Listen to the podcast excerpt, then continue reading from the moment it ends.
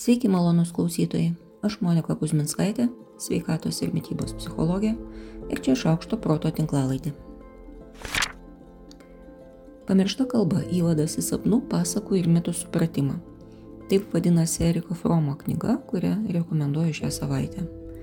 Niekam nepaslaptis, kad aš nuolat slankioju aplink pasako ir mitologijos knygų lentynas ir galiu valandom vartyti ir dėlioti įvairius simbolius ir nuo jų besidriekiančius kultūrinius ir lingvistinius šleifus. Panašiai kaip elfų duona lembas, ir tokį pavyzdį pasirenku tyčia, simbolis savyje talpina labai daug turinio, dailiai sulankstyto, sulygiuoto ir paruošto ilgai kelioniai. Visai nenostabu, kad sapnuodami mes neturime laiko ilgai ir kantriai savo patiems aiškinti, kas čia kaip ir kodėl. Į sapno minutę juk turi tilpti pusę gyvenimo. Todėl sapnuojame simboliais. Ir net jei jūsų simboliai yra iš apšiūrusio sapnininko, jums tai bus tikri ir teisingi simboliai. Jie visada reiškia tai, ką jie reiškia jums. Man žiema kaip tik labai tinkamas laikas apie tai galvoti. Mano visos mintis, man atrodo, yra sulygiuotos į deviniragio elnio laukimą, laukti reikia tykiai, atidžiai ir žvelgiant giliai. Jei kažkuri jūsų dalis viduje lygiuojasi su manimi ir jums simboliai sapnai ir pasakos yra įdomu, labai rekomenduoju šią tikrai rečiau skaitomą Fromo knygą. Siauri džinsai spaudžia ir pilvą, ir galvą. Vartotojų psichologijos šaka tyrinėja, kodėl perkame rūmus, kurių niekada nedėvime arba kurie visai netinka. Kartais tai ženklas, kad pasielgiam impulsyviai. Na, taip dabar man per mažas, bet dabar nuolaidos, o aš vis tiek sulėknėsiu. Ir tada atmetam tos argumentus, kurie nepalaiko mūsų jau padaryto sprendimo dėl prekės. Dažnai prisimenam gerus laikus, kai dėvėjau tą dydį ir norint grįžti į tuos laikus siekiame to dydžio rūbą. Dažnai apie tai taip ir nesusimastom. Moteris dažniau impulsyviai perka rūbus, kosmetiką ir papuošalus, o vyrai - elektroniką, sporto prekes ir kitą techniką. Kartais perkame pervertindami save pačius, perkame būsimam savo. Taip sustiprina motivaciją ir savo svajoniai suteikiam apčiopiamą pavydalą. Na, bent jau savo taip sakom. Dar būna, kad žmonės nenaudoja nupirktų daiktų, nes jiems jie per daug patinka. Čia labai ryškiai pamenu filmą su į polietileno supakuota sofa, kad nenusidėvėtų, tik visai nepamenu ją pavadinimą. Impulsyviai nupirkti džinsai gali ramiai tunuoti lentynos gilumoje ir be minuso piniginėje daugiau žalos ir nedaryti. Nors ir už vienų džinsų kainą galima įsigyti kalną sveikų brangių kabutės, aišku, daržovių su žymiai didesnė nauda sveikatai. Tačiau būna žmonės ir dėvi per mažus džinsus, nepatogius batus, visą dieną kenčia spaudimą ir, ir skausmą. Tai visų pirma sukelia nuolatinį stresą, o tai didina streso hormono kortizolio kiekį, kuris savo ruoštų siunčia komandą kaupti riebalus tai didina ir nuovargį. O nuovargis didina šiaip jau nepagrįstą norą valgyti saldžiai riebiai. Nuolat, kiekvieną minutę toks diskomfortas primena, jog kūnas netitinka to formato, kuriam daiktas buvo pirktas, nors formatas buvo pirmiausia ir išgalvotas, savarankiškai ar remiantis žiniasklaida ir socialiniais tinklais.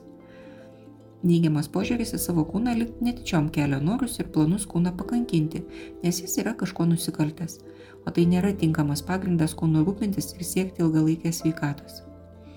Nuolatinis neigiamas patyrimas sumažina prieš tai buvusią motivaciją siekti savo tikslų, kokie jie bebūtų, nes tiesiog norisi viską mesti. Beje, kai kurie prekių ženklai, suprasdami šios slaptus pirkėjų siekius, ėmė žymėti rūbus mažesnio dydžio ženklais, kad taip sukeltų pirkėjams daugiau džiaugsmo. Tiesiog manau, jums tai verta irgi turėti omeny. Svorio stigma. Tai reiškinys, kai viršsvorio turintys žmonės yra vertinami kaip prastesni. Neslėpsim ir nesislėpsim, tai tikrai dažnai pasitaiko. Sakom, kad žmonės neprisižiūri, tingi, yra apsileidę, neturi valios, intelekto ar ko tik nori. Visa tai žinoma yra netiesa. Maža to, tokios paplitusios nuostatos gali būti internalizuojamos. Žmogus įma pats manyti, kad tai yra tiesa. Tada jau plačiai atveriamos duris žemai savivertį ir nuolatiniam stresui, o tai be abejo toliau blogina situaciją. Šiame tyrime buvo vertinta, kaip studentai, patiriantys stigmatizavimą dėl svorio, valgė pandemijos metu.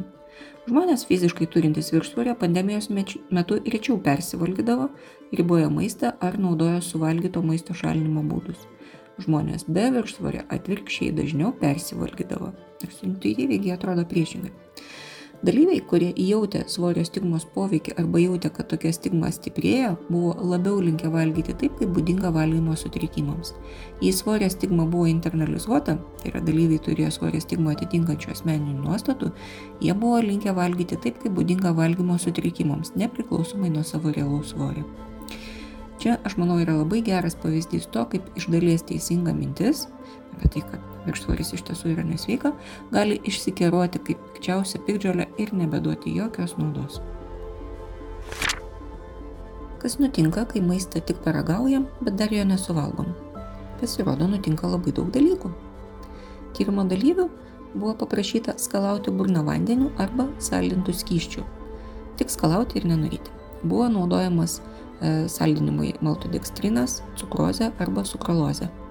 Ir po to tyrėjai matavo grelino lygį, tai yra na, objektyvų alkio rodiklį, taip pat suvalgyto maisto kiekį po tyrimo ir suvokiamą alkio lygį praėjus keliom valandom po tyrimo. Paskalavus burną tik vandeniu, bet nesaldintų skyšių, padidėjo kraujyje esantis grelino lygis. Grelinas yra alkio hormonas. Tai liktai organizmas tikisi maisto, bet jo negauna. Normalaus svorio dalyvių grupėje vyko štai kas. Paskalavus saldintų skyšių padidėjo cholecistokinino lygis. Pagrindinė cholecistokinino funkcija yra sukelti kasos ir tulžies puslės susitraukimus. Vadinasi, pasiruošti atkeliaujančiam maistui. Dalyvių su viršsvorio grupėje po vandens skalavimo suvokiamas alkio lygis buvo aukštesnis negu po skalavimo saldintų skyščių. Galiausiai po tyrimo bufete visi valgė daugmaž vienodai, bet sotesniai jautėsi tie, kurie turėjo viršsvorę ir skalavimui naudojo saldintą vandenį. Na, kalorijos kalorijomis, bet panašu, kad užtenka vien tik informacijos apie saldumą gaunamos iš burnos, kad organizme prasidėtų pokyčiai, kurie gali stipriai veikti ir tolimesnį valgymo elgesį. Čia atskirai siūlau pagalvoti ne tik apie saldiklius, bet ir apie kramtomą gumą ir apie saldaus skonio elektroninės cigaretės, apie visą tai, kas tą saldumo pojūtį sukuria. Nes mums gali atrodyti, kad čia nieko tokio, nes nieko nesuvalgėme, bet iš tiesų poveikis vis tiek bus. Ar būna, kad jaučiat, jog trūksta supratimo apie žmogų ir einat pavartyti jo profilio kokiam nors socialiniam tinkle? Na, vartot, vartot, kol trūkstamas vertinimas užsipildo. Nes juk tai, kuo dalyjame socialiniuose tinkluose atspindi mūsų asmenybę, net jei tai ir yra paspalvinta ir gražesnė pusė į priekį atsuktas vaizdas, ar taip? Pasirodo, elgėtės labai moksliškai. Analizuojant socialiniuose tinkluose randamą informaciją ir lyginant ją su duomenimis surinktais naudojant Neopir arba Big Five asmenybės klausimyną, gaunama vidutiniškai 75 procentais patikima informacija, o tai, mano akim žiūrint, yra tikrai neblogai. Ar mes asmeniškai darom tokias pat išvadas, kokias leistų daryti struktūruotas ir patikrintas klausimynas, jau visai kitas klausimas. Tačiau tai labiau ne informacijos šaltinio, o vertintojo patirties ir žinių klausimas. O gal galvojat, kad nieko nekeliat į socialinius tinklus arba iš viso neturit paskyros, todėl niekas apie jūs nieko nežino? Mm, tiesa, tai nėra toks turtingas informacijos šaltinis, bet ir iš tokio fakto galima daryti išvadas apie asmenybę. Esu didelio žodžio galios gerbėja. Matyt visų pirma todėl, kad esu seniai nusprendusi pripažinti, kad visko apie savo pačių psichiką sąmoningai suprasti mes negalime, bet galime stebėti įvairius reiškinius, kurie matyti yra pagaminami mūsų gilesnių, tiesiog į sąmoniai nepasiekiamų psichikos sluoksnių. Ir taiklus žodis su visom savo pasiekmė mūsų sąmonėje yra būtent tai. Man gal nelabai patinka Freudo metafora apie pasąmonę kaip apie pusrusį, bet kas aš, kad kritikuočiau kitų žmonių naudojamus simbolius. Mano metafora yra daugiaaukštis pastatas su viršutiniais aukštais virš debesų, kurie matomi sąmoniai, tada daug aukštų po debesimis ir gazilijonas aukštų po žemė. Visi su savo funkcijomis, su greitaigiais liftais, laiptais ir barjerais. Visas pastatas dūzgia visą laiką ir kartais vertingos depešos pasiekia ir aukštus virš debesų. O jei jau norim viso pastato resursų, tai svarbu suformuoluoti labai aiškiais žodžiais savo norus, tikslus ar planus, kad žemiau debesų ir žemės paviršiaus esantis aukštai gautų aiškės instrukcijas, o ne miglotus ir papildomų interpretacijų reikalaujančius raizgalynus. Geras žodis šauna keurai visus sluoksnius. Gera frazė nuveikia dar daugiau. Todėl kartais taip gerai suskamba tas eilėraštis ar ta daina, ta frazė, kuri atrodo ne tai, kad šiaudas kestančiam, bet prašmatnus burlaivis ištraukiantis iš juodžiausių audrų. Sigito gėdos eilėmis, man atrodo, ištatuiruota visa mano galva iš vidaus. Because the road is rough and long, shall we despise the skylark song that cheers the wanderer's way? Taip deklamavau savo vėl ir vėl, kai atrodė, kad naktis niekad nesibaigs. Tu tik nepasiduok, rašiau savo ant delno, kai atrodė, kad jau tūkstantį kartų pasidaviau. Baltą paukštį dainuoju tik mintise, nes garsiai per daug intensyvų iškart smaugia ašaros. Visada žinau, kad prireikus šilumos ir jaukumo galiu atsiversti Kiplingo pasakas ir išgirsti Jogaro mamos. Sūnau, sunelį, sūnau.